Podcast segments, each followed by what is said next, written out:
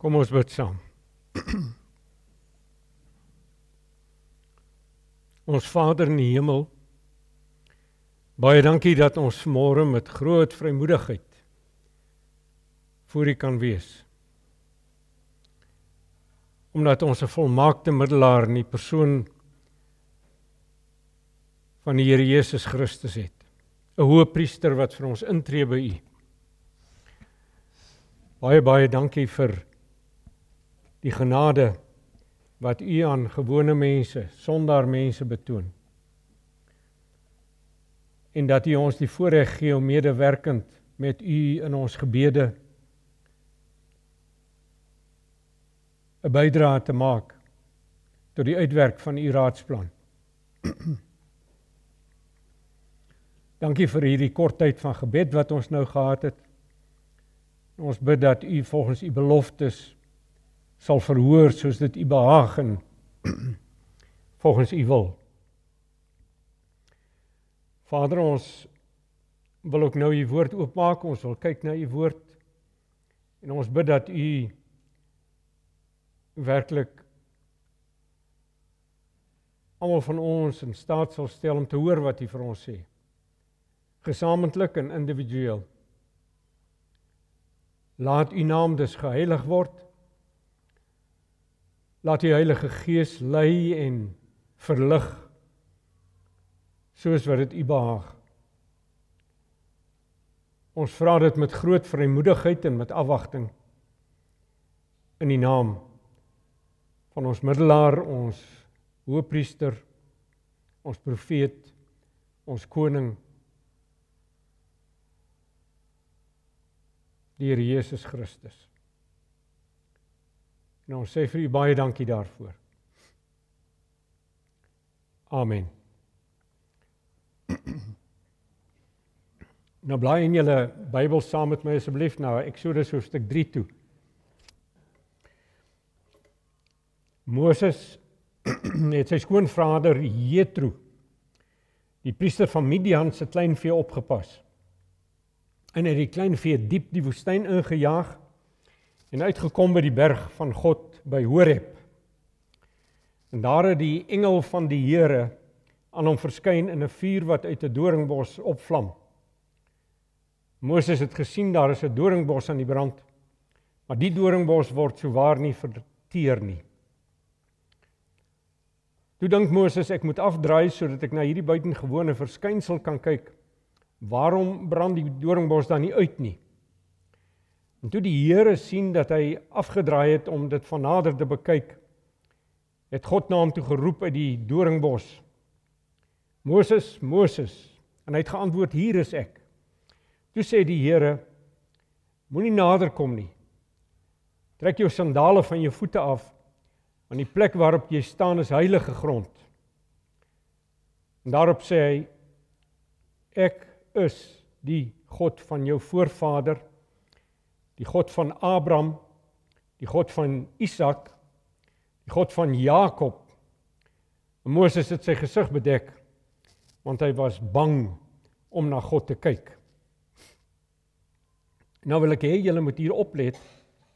Uh hierdie ses verse wat ons gelees het. Hier word na die engel van die Here verwys wat daar aan Moses verskyn het. Dan word daar in vers 4 gepraat van die Here. En dit is die uh sommige van die Bybel sal wel dit met hoofletters gespel hê. En dan sê hulle weet dit is die godsnaam Jahwe soos wat ons gesien het in die weke wat verby is. Daar word uh in vers 4 van gepraat van die Here, vers 5 van die Here. Vers 4 word ook gesê God het na hom toe geroep uit die doringbos en in vers 6 dan antwoord die Here of ek is die God van jou voorvader die God van Abraham die God van Isak God van Jakob. Moses het sy gesig bedek want hy was bang om na God te kyk. En dan vra Moses soos ons nou in die afgelope weke gesien het maar wie stuur my? Wie moet ek sê stuur my En dan lees ons in vers 14 God het toe vir Moses gesê ek is wie ek is. Hy sê toe so moet jy die Israeliete antwoord ek is het my na julle gestuur. Ek wil hê julle moet daarop let hier is dis 'n 'n hele aantal 4 sou ek sê godsname wat hier gebruik word. Ehm uh, die engel van die Here, die Here, God en dan nou uiteindelik ek is het my na julle gestuur. Nou die van julle wat die voorafgaande weke hier was, sal nou al heeltemal verstaan hoe dit in mekaar steek. Maar ek lees dan nou vir ons in die Nuwe Testament uit Johannes uit. Johannes 4. Julle kan maar net luister as julle wil. Maar uh alhoewel ons gaan ons gaan redelik aandag gee in Johannes 4, so dit sal goed wees as jy soontoe blaai maar intussen. Johannes 4, dis die evangelie van Johannes hoofstuk 4. Maar ek gaan nou nie ek gaan die hele hoofstuk vinnig skets vir ons. Maar nou lees ek net vers 25 en 26. Vers 25 Die vrou sê vir hom ek weet die Messias kom wat Christus genoem word. En wanneer hy kom, sal hy alles aan ons bekend maak. En dan sê Jesus vir haar ek is is die een wat met jou praat. Ek is. Nou die van julle wat dalk die 2020 voor julle het soos ek 2020 vertaling sal sien dat ek is altyd die woorde word met 'n hoofletter gespel wat heeltemal 'n korrekte verstaan is van hierdie van hierdie gedeelte. Met ander woorde, ehm uh, hy die Here wat hier met haar praat sê dan vir haar hy is ek is. Dis sy naam. Ek is die een wat met jou praat. Nou, ons het nou gesien dat van Jahwe, want dit is die Hebreëse woord wat gebruik word daar vir die Here wat met hoofletters gespel is word ook gesê dat hy die engel van die Here is. Die engel van die Here. Dis hy wat daar aan Moses verskyn het in die in die woestyn. Die engel van die Here. Nou dit mag miskien vir julle vir sommige van julle ver, verrassend wees. Nou as 'n mens kyk na die term die engel van die Here in die Ou Testament, dan word dit soms gebruik vir 'n engel, gewone engel wat uitgestuur is om sekere take te verrig uh vir die Here. Maar met ander woorde na hemelwesens as ek dit sou kan uitdruk of uh medewerkers van God. Maar dit is ook so dat daar meer as een voorbeeld in die Ou Testament is waar daar na die engel van die Here verwys word as definitief die Here God self. Ehm um, ek sou vir julle na na 'n paar sulke skrifgedeeltes kan verwys en ek meen hierdie is een van hierdie skrifgedeeltes waar dit baie sterk gesuggereer word dat Jahwe of die Here hoofletters gespel dan nou daar Ja, ek wil net sê dat daar is meer as een Hebreëse woord wat met Here vertaal word, maar spesifiek hierdie Jahwe word gewoonlik dan nou vertaal met hoofletters of klein hoofletters as jy wil. In elk geval, terwyl daar miskien in die Ou Testament nie 'n klinkklare saak uitgemaak kan word daarvoor nie, is dit so dat die ou kerkvaders dit al gesê en uh die standpunt gehuldig dat hierdie 'n voorverskynings uh manifestasie is van die seun van God van die seun van God of kom ons sê maar 'n 'n 'n voor vleeswordings verskyning van God die seun. Met ander woorde van die Here Jesus Christus wat hier voordat hy mens geword het hier op aarde wel van tyd tot tyd enkele kere in die Ou Testament dan namens God gepraat het en verskyn het aan die volk. Uh ek dink daar kan 'n sterk saak vooruitgemaak word veral in die lig van die Nuwe Testamentiese gedeelte waarna ons ook nou gaan kyk vanmôre. Dit word met ander woorde sterk bevestig hierdie teorie wat al van die kerkvaders afkom, teorie, standpunt uh hierdie huldiging van die ou kerkvaders deur die Nuwe Testament self. En nou wil ek verder nou tyd spandeer aan Johannes hoofstuk 4. Uh ek het gesê hou hom hou hom gerus daar voor julle oop Ons lees dat die Here Jesus daar deur Samaria moes reis. Nou Samaria was 'n streek waar die sogenaamde Samaritane gebly het. Dit is maar mense wat oorgebly het na die ballingskap 'n paar honderd jaar van tevore en geleidelik verbaster het met van die inheemse volkere daar en die Jode is dus op hulle neergesien. En hulle godsdiens wat hulle beoefen het was ook nie meer suiwer Ou Testamenties nie. Uh die Jode het hulle dus verwerp eintlik en hulle het hulle af, hulle het van mekaar afgeskei. Nou Jesus reis dan deur die land van die Samaritane en hy kom by 'n dorpie met die naam van Sigar in Samaria aan.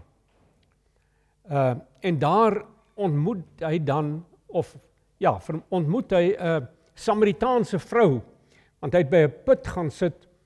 Uh hy was dors en hy was moeg en hy daar gesit nou rus. En uh dan kom die vrou daar aan en hy vra vir haar 'n bietjie water. Julle ken almal die stukkie geskiedenis daar. En uh sy is dan baie verbaas dat hierdie Joodse man met haar praat. Presies hoe sy gesien het as 'n Jood, weet ek nie. Maar die punt is sy was baie duidelik daarvan bewus. Miskien het hulle verskillende klere aangetree of wat die geval mag wees.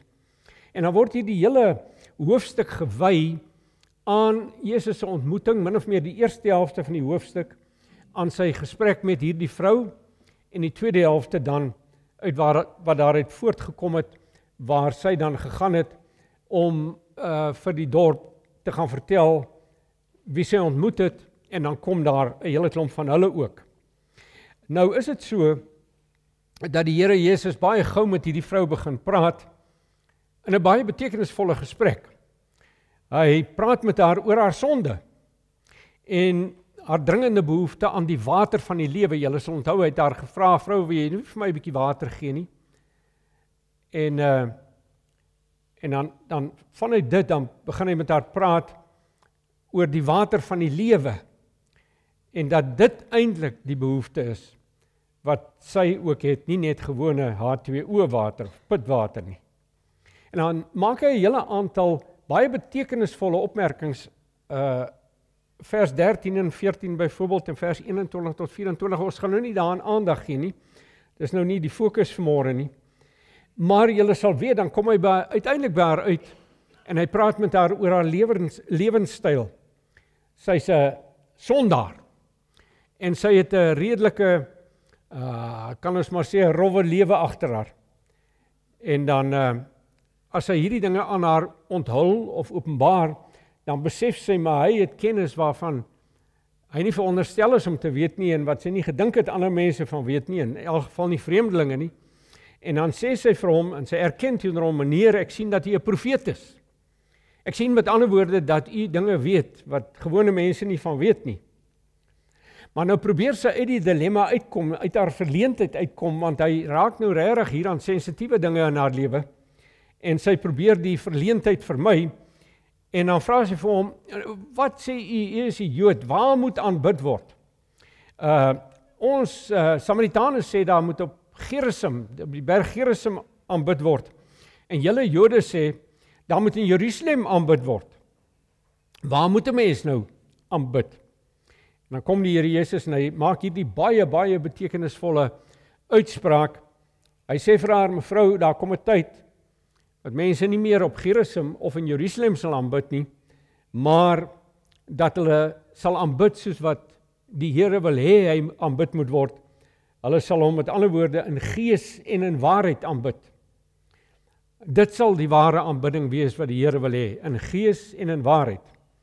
Nou weer eens as jy die 2020 voor julle oop het, sal julle sien, dank al wat 'n uitgawe, maar die jongste een meen ek, spel gees met 'n klein lettertjie G. Dis na my oortuiging heeltemal korrek vanuit die konteks. Met ander woorde vanuit die menslike gees. Dis nie die Heilige Gees wat hiervan sprake is nie. Uh daar was 'n bietjie diskussie oor uh in die vertalingspaneel oor hoe dit verstaan moet word. Party wou dit met 'n hoofletter spel, ander met 'n klein lettertjie, maar ek is baie oortuig dat die finale keuse was korrek. Mens sien dit duidelik uit die uit die konteks uit. Met ander woorde, die menslike gees daarmee wil Jesus sê Ware aanbidding kom uit jou binneste uit. Dit kom uit jou hart uit. Dis opreg met ander woorde. Jy stort jou eie hart voor die Here uit. En in waarheid gaan daaroor weer eens vanuit die konteks dat dit waarheid is volgens die geopenbaarde woord van die Here. In hierdie geval sal dit nou wees waarheid wat vanuit die Ou Testament kom. In ons geval is is die die Ou Testament plus die Nuwe Testament. Maar die punt is net dit is God se geopenbaarde waarheid. So, ware aanbidding sê hy vir haar kom uit 'n mens se binneste uit en dit is in pas met of in volle harmonie met my geopenbaarde waarheid in my woord.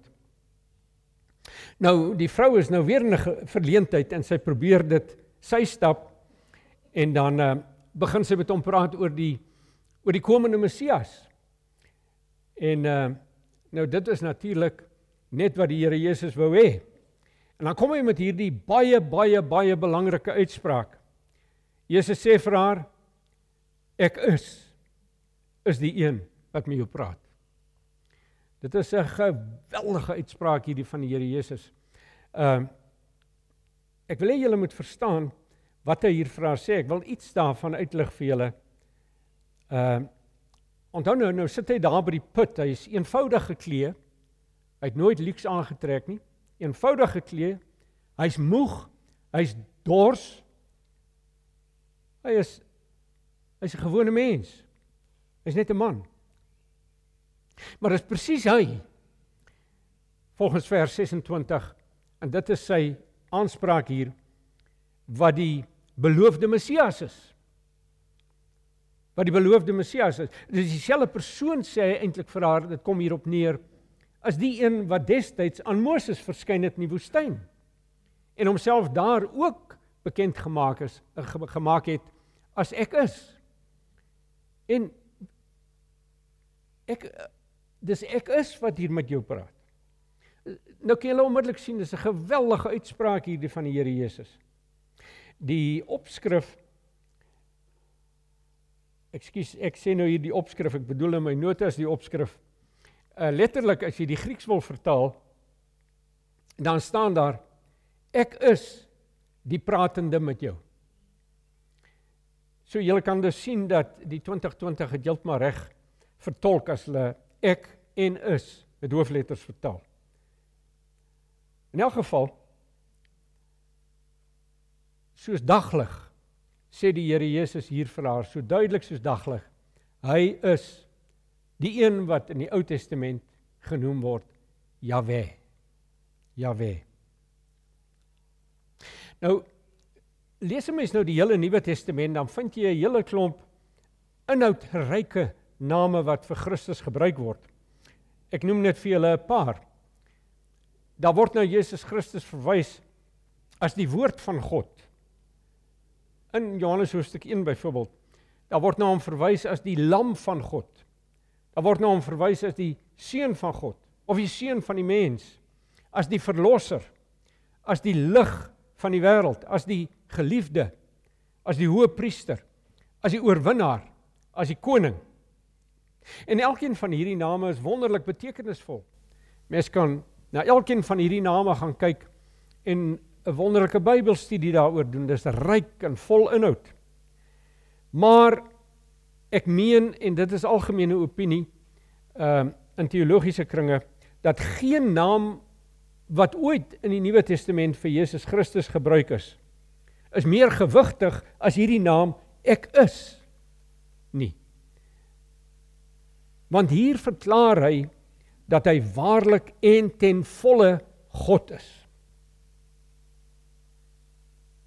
En ook julle verstaan hoekom ek dit beklemtoon dat hierdie 'n uh, 'n kardinaal belangrike uitspraak van die Here Jesus is. Hy verklaar dat hy waarlik en ten volle God is.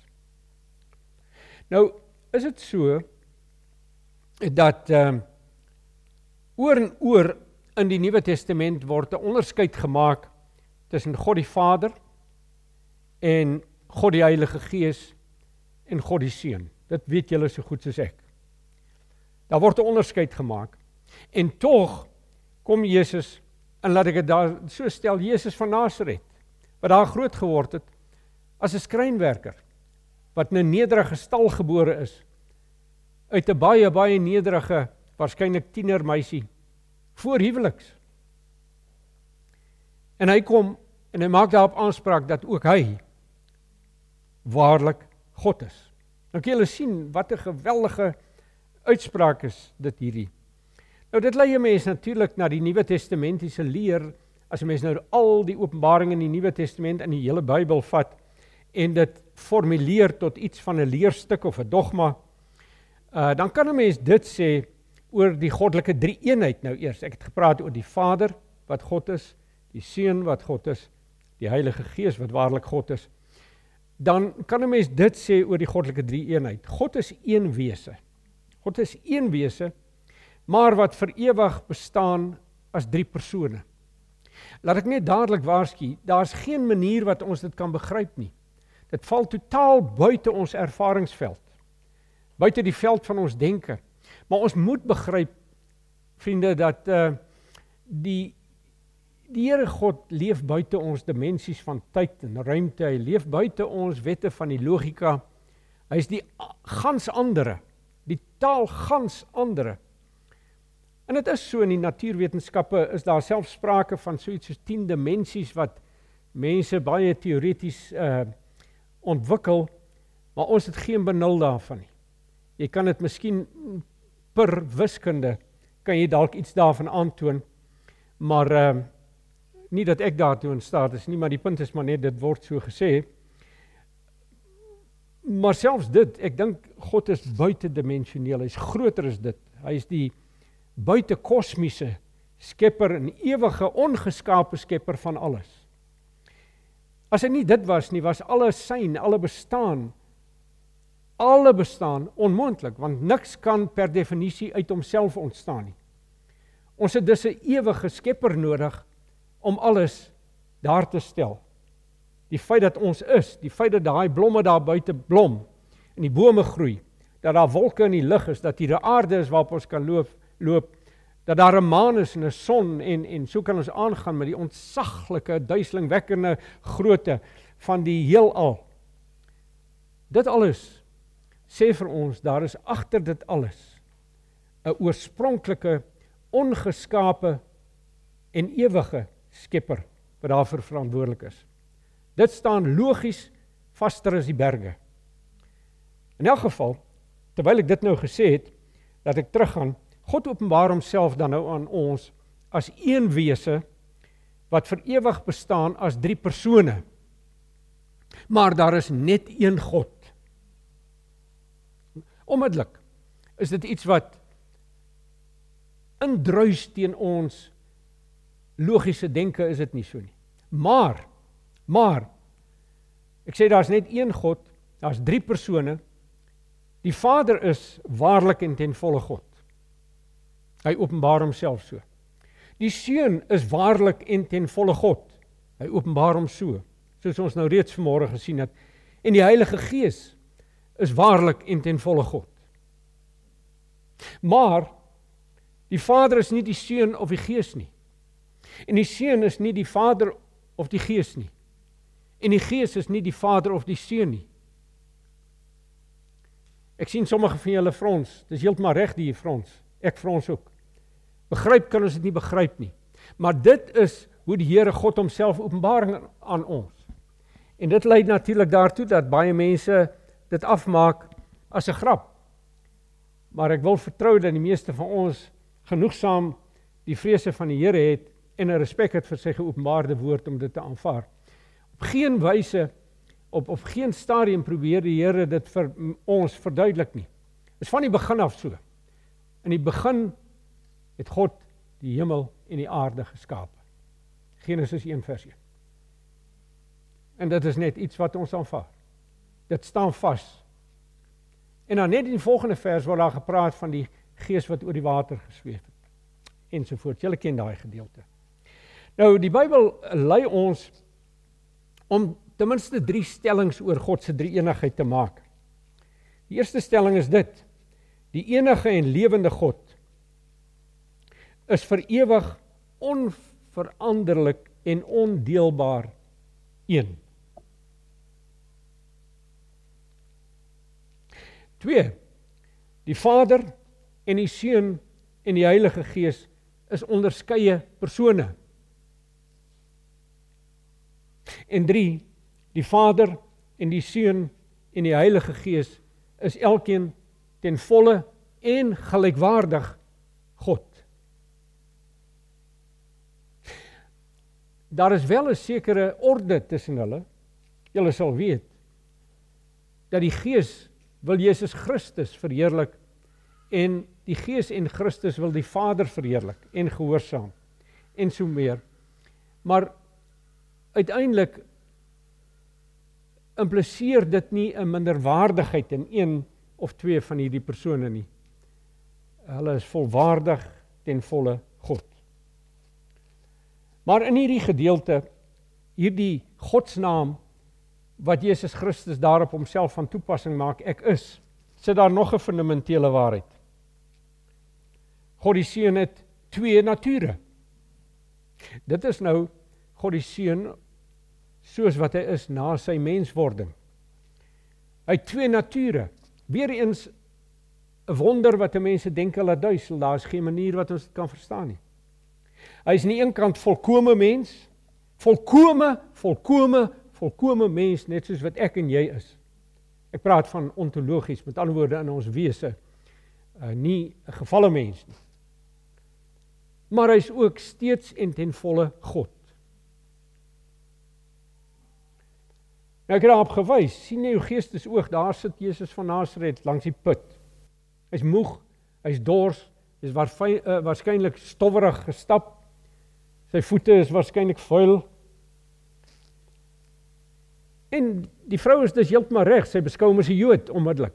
Ja, ja, hy's 'n Jood, vers 9. Hy's net nog 'n Jood. Maar soos hy daar sit, is hy volkomme God. Hy het nie sy godheid afgelê toe hy gekom het nie. Hy het God gebly. Wat wel waar is, is dat sy menslikheid was voorop in sy tyd hier op aarde. Maar sy godheid het hy nie agtergelaat nie. Hy is steeds God. Hy's volkomme mens en hy's volkomme God met een en God en mens. Verstaan, ek sê weer nee, ons kan dit nie verstaan nie. Aanvaar in die geloof ja. Want dit is wat die Bybel uh skaamteloos en sonder om te huiwer net so aan ons openbaar met geen poging om dit vir ons te verduidelik nie. As ek dit plat kan uitdruk met respek, is asof die Bybel vir ons sê vat dit of los dit.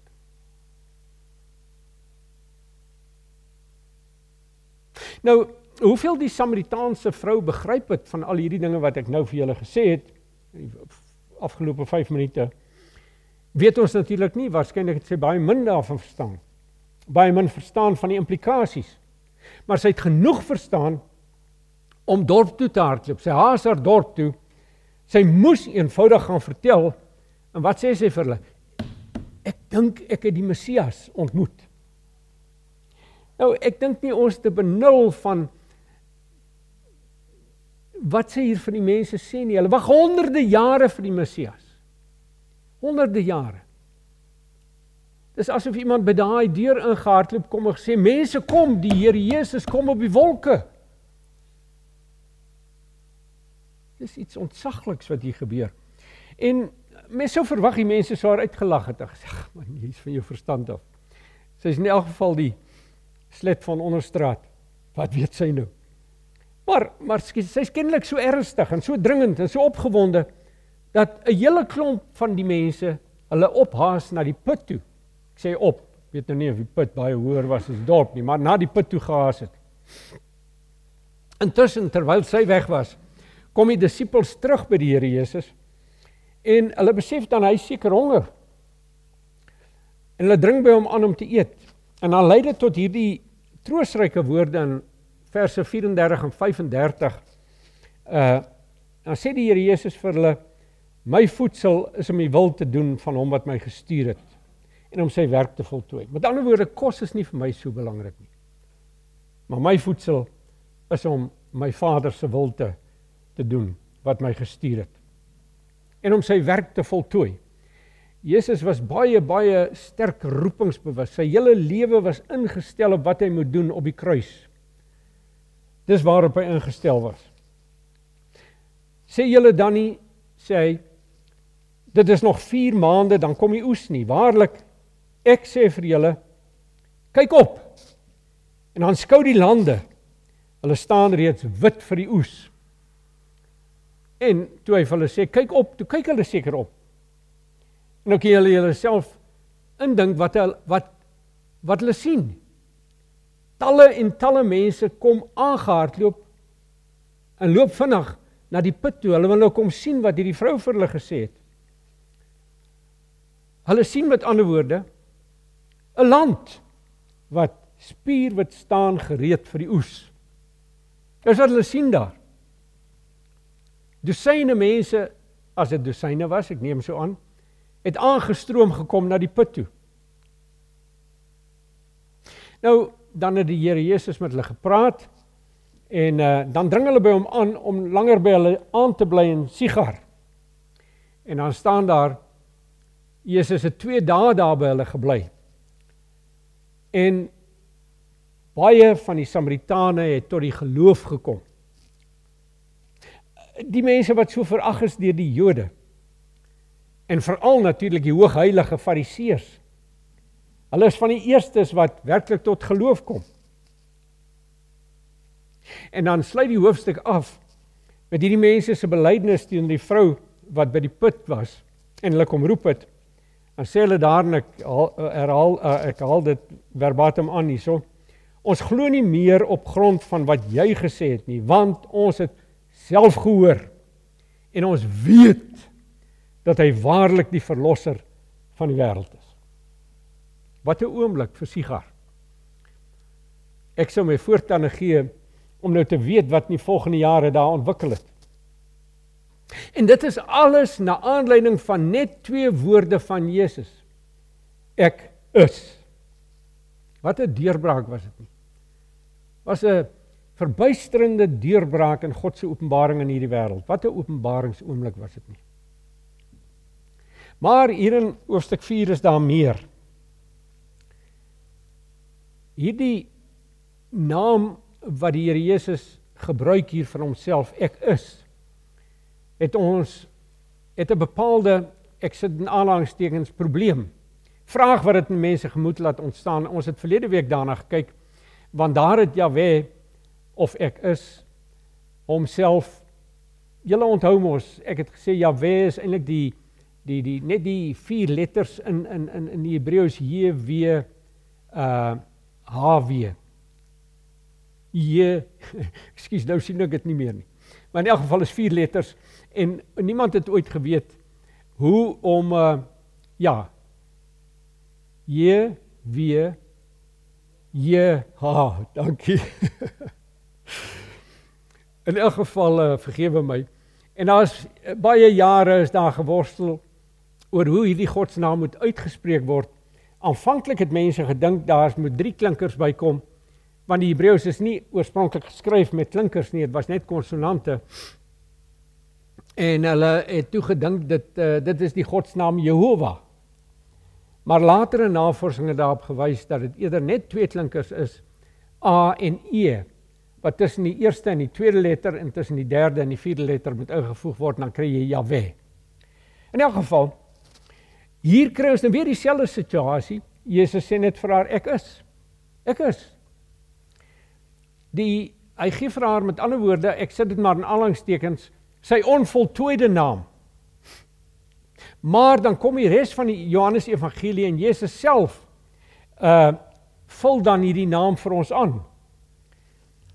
En in die proses kry ons van die mooiste, wonderlikste uitsprake oor homself. In die skrif. Verlede week kan ek net tussen hakkies sê, toe kom 'n jong man, 'n intelligente, denkende jong man na my toe. Hy sê: "Oom, hoe weet jy wat om te preek?" En wat om wanneer te preek? Nou, ek wil net vir julle iets verduidelik daarvan. Uh ek het nou vir hom meer verduidelik, maar die punt is soos wat ek hierdie stuk nou weer ondersoek het en en uh bestudeer het, gaan daar net eenvoudig vir 'n mens 'n preek na 'n preek na 'n preek na 'n preek oop. Nou kan jy onmiddellik sien hier ons sou dit al in die Ou Testament kon doen, die verskillende byvoegings by die naam Jahwe kan elkeen 'n preek word. Julle kan dit verstaan. Net so ook hier. Want ek gaan vir julle sewe van hierdie name noem uh waar die onvoltooide naam deur die Here Jesus self aangevul word. En ook julle sien hier elkeen van hulle kan een of twee of drie of vier preke word. Maar ek sê julle dit spaar. Daar's in elk geval nie geleentheid vir my nie. Maar uh in die eerste een kry ons Johannes 6 vers 35 sê die Here Jesus ek is. Hier's dit. Ek is. sien julle? Ek is. Maar wat? Die brood van die lewe. Almal van ons ken dit baie goed nie waar nie. Ek is die brood van die lewe. Johannes 8 vers 12 en ook 9 vers 5. Ek is die lig van die wêreld. Ek kan onmiddellik sien hoekom sê ek jy lê preke hierso. Preekstof as jy dit behoorlik gaan uh deurgrond en oopmyn. Johannes 10 vers 9 en 7 ek is die deur. Johannes 10 vers 11 en 14 ek is die goeie herder. Johannes 11 vers 25 ek is die opstanding en die lewe. Ek is die opstanding en die lewe. Met ander woorde, die opstanding en die lewe is in my gevestig, gewortel. Ek sien sommige van julle skryf verwoed af. Ek wil maar net sê uh dit sal hopelik binnekort op my binne daar op my webwerf wees waar julle dit kan kry. Uh die 6de een kry ons in Johannes 14 vers 6. Ek is die weg en die waarheid en die lewe. Almal bekende uitsprake vir ons, is dit nie so nie? Maar 'n mens lees net daaroor as jy die Nuwe Testament lees, tot jy dit in hierdie perspektiewe begin sien. Daarom sê die Here Jesus daar, ek is, ek is Jahwe, ek is God, ek is een van die deel van die goddelike drie-eenheid. Ek kan namens God praat. Ek kan soos God optree. Ek is God.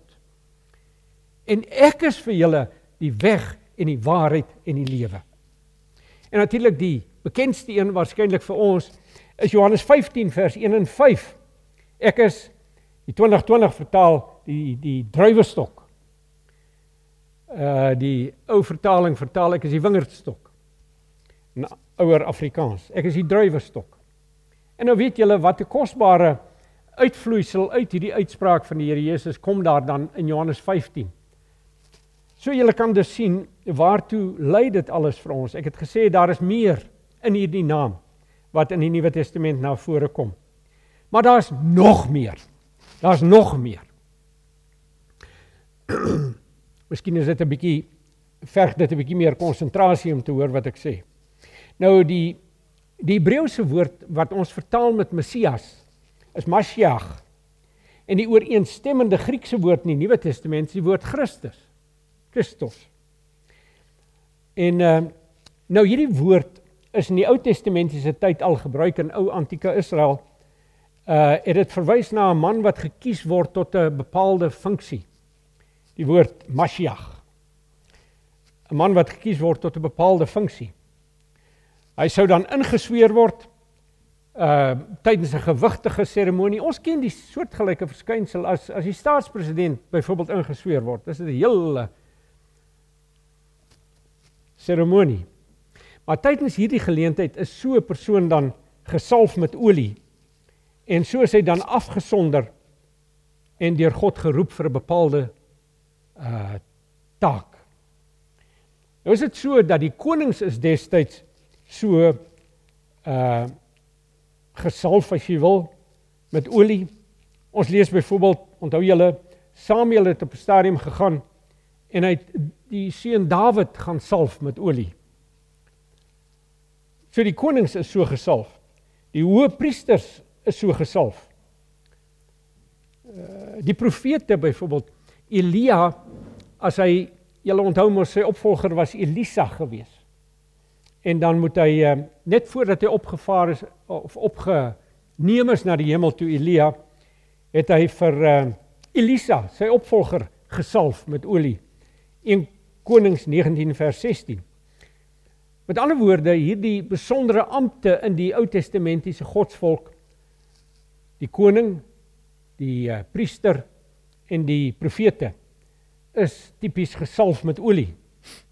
Maar as 'n mens dit alles nou saamknoop tot 'n konklusie kom, dan sê sien 'n mens wat die Here Jesus hier in sy verklaring in sy ontmoeting met die Samaritaanse vrou oor homself verklaar. Hy sê met ander woorde daarmee dat soos ons gesien het, hy's die tweede persoon van die goddelike drie eenheid. Tweede nie net ek wil dit net weer beklemtoon nie omdat hy minder waardig is of maar omdat die Bybel dit so aanbied God die Vader, God die Seun, God die Heilige Gees. Ehm um, en hy is waarlik en volkomme God en hy is met een ook volkomme mens. Ons het daarna gekyk. Maar in hom en dit is die punt nou trek al drie hierdie Ou Testamentiese, kom ons sê maar middelaars ampte tussen God en sy volk saam. Want hierdie manne in die Ou Testament se tyd, die profete, die priesters en die konings was maar net daar om God se bediening en aan en sy versorging van en sy regering oor die godsvolk te bemiddel as ek dit sou kan uitdruk. Hulle was sy instrumente daarvoor. Hulle was besonder afgesonder om sy verteenwoordigers te wees in die in die volk. Nou wat die Here Jesus hier doen is dat uh al drie as hy gesal word word al drie hierdie Ou Testamentiese noem dit maar middelaars ampte tussen God en sy volk saamgetrek. En hom trek dit saam. Hy met ander woorde is en profeet en priester en koning. Nee nee, ek wil dit beter stel. Hy is die profeet, die priester, die koning. Want u sien dat dit alles vooruit in die Ou Testament gewys na die komende een, die groot en finale profeet, priester en koning. En wat hy sê met hierdie godsnaam, wat hy daar aan 'n nederige, ontugtige Samaritaanse vrou by die put bely, is dat hy is die vervulling van eeue se Ou Testamentiese middelaarsampte, naamlik die van profeet, priester en koning, dat dit alles in hom saamgetrek en saamgeknoop. En daarom kan ons nog meer sê. Ons kan sê hy is God se finale en ewige profeet. Hy's God se finale en ewige priester. Hy's God se finale en ewige koning. Na hom sal niks verder nodig wees nie. In hom het alles gekom. In hom het God se raadsplan tot sy fokus, tot sy kulminering, tot sy absolute vervulling gekom. Dis verbuisterend as 'n mens hierdie dinge so bedink om te dink hy sit as 'n stowwerige sweterige honger gewone Jood daar by die put naby Sigar en hy sê dit oor homself. Nou ons is baie bevoordeel natuurlik omdat ons nou die hele openbaring van die Bybel ontvang het, die hele Nuwe Testament. Ons het uh, eeue se nadenke oor hierdie dinge deur die kerk deur die eeue dat ons hierdie dinge vandag kan sien. Maar dit bly 'n wonder van wonders dat die ewige Skepper God wat van ewigheid af daar was. Die ongeskape skepper van alles. Die almagtige.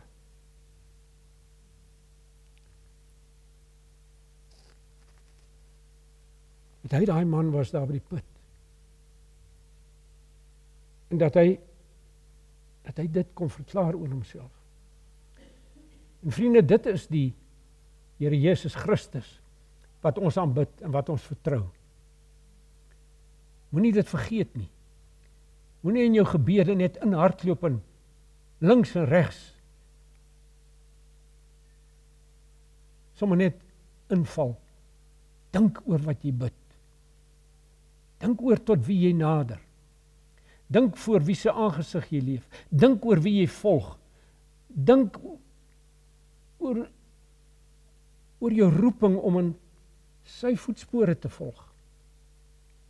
Want jy sien hierdie dinge het nou ook weer implikasies vir ons want ons word nou weer geroep. as profete en priesters en konings as sy gevolmagtigdes. Dit is 'n gewigtige saak as 'n mens sê ek is 'n navolger van Jesus. Dit is 'n gewigtige saak as dit jou belydenis is. En dit is nodig dat ons lank en diep oor hierdie dinge pyns weer en weer, ook in ons binnekamers wanneer ons voor die Here kom in gebed. Daar rus 'n enorme, onuitspreeklike verantwoordelikheid op ons as ons die naam van Jesus Christus op ons lippe neem in hierdie wêreld. Profete, priesters, koning. En daarom is ek van oortuig daarvan dat niemand gaan minder genade hê voor die voor die regterstoel van Christus as huigelaars. Wat sommer links en regs gesê het ek is 'n Christen, ek is 'n Christen maar dit nie uitgeleef het nie. En jy kan onmiddellik verstaan wat ek sê. Met wie het die Here Jesus minder geduld gehad terwyl hy hier op aarde was? As met die Fariseërs en die skrifgeleerdes wat jo baie godsdienstig was en vroom was. Maar allerlei tossels in klede gedra het en vertoon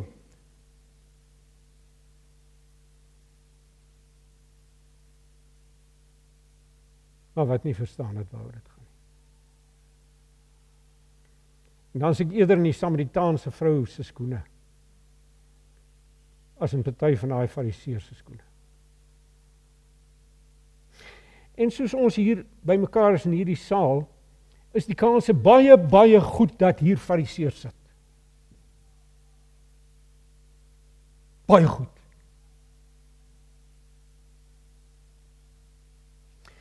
En daarom behoort ons baie gereeld daaroor te bid. Here, ondersoek my hart. Toets my, beproef my. Is ek nie dalk 'n huigelaar? Die Nuwe Testament is baie duidelik daaroor. Baie duidelik daaroor. Daar gaan baie baie mense wees, goeie kerkmense. En dalk lidmate van hierdie gemeente predikers, baie predikers. Baie predikers sal eendag voor die Here Jesus sê, staan en die woorde hoor, gaan weg van my.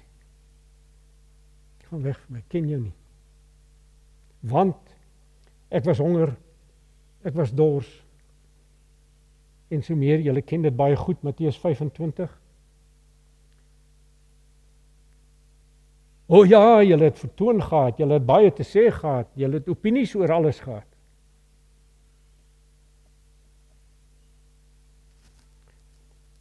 En ek kan vir julle sê ek is 'n prediker, ek preek al vir 40 jaar.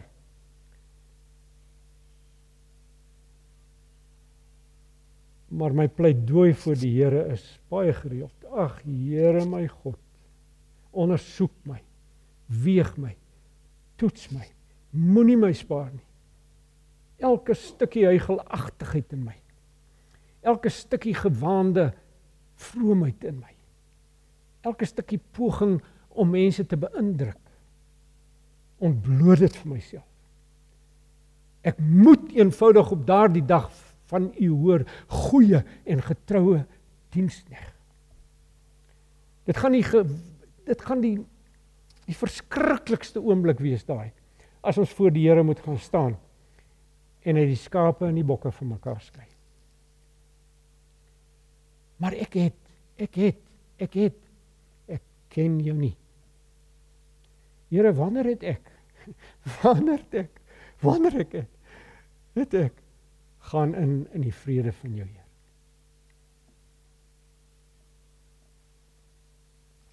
En as hierdie hierdie Messias hierdie koning, hierdie ek is vir wie Abraham se nageslag en Moses se volgelinge.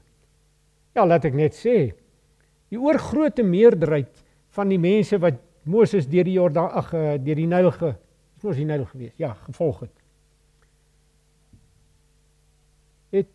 Het geen benul gehad van wat hier aangaan.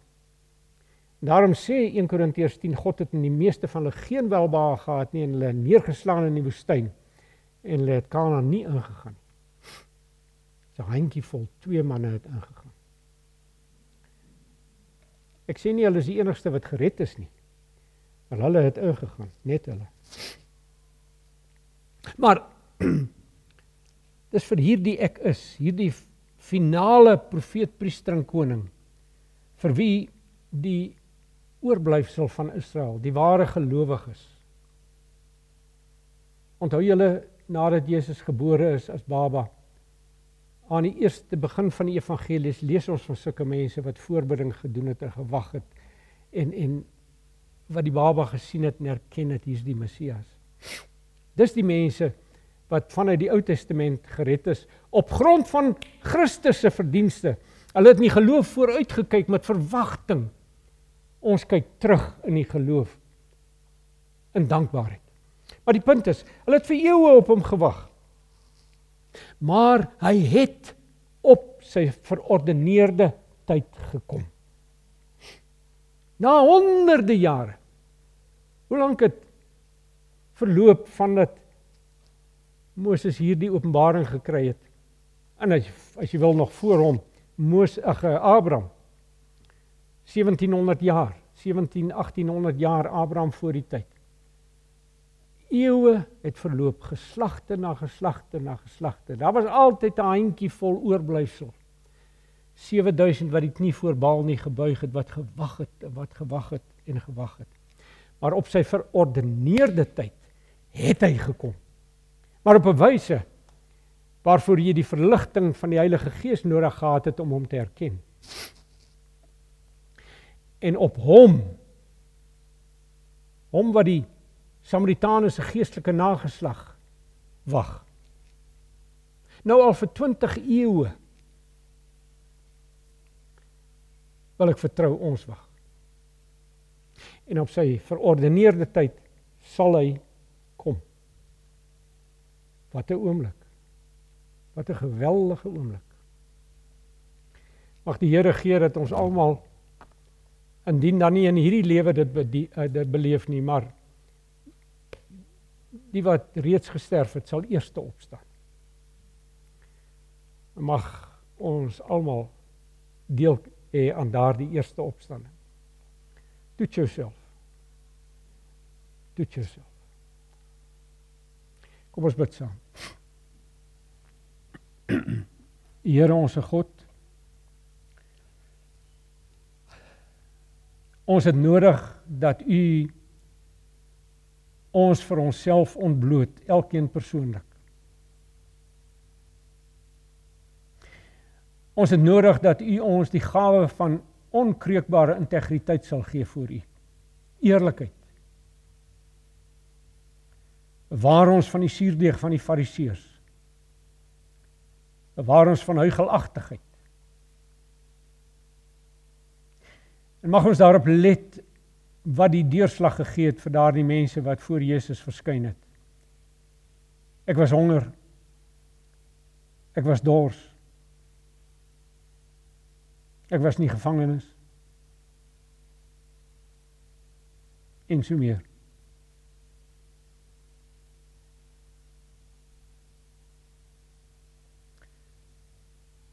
Ons het u genade nodig. Die genade van eerlikheid en erns. Ons het nodig dat u ons vir onsself sal ontbloot. Ons het nodig om onsself te sien soos u ons sien. Dringend het ons dit nodig.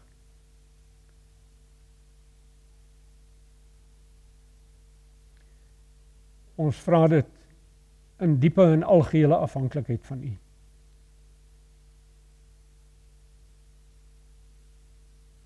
In die naam van die middelaar tussen God en mense.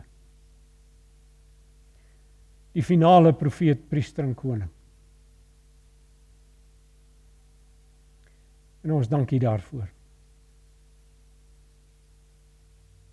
Amen. Amen. Ek dink ons wil nog 'n lied sing, né? Nee?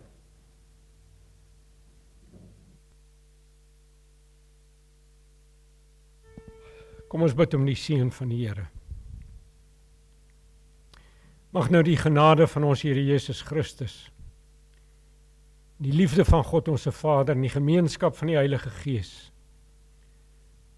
met elkeen van sy kinders wees as ons hier vandaan huis toe gaan. Amen.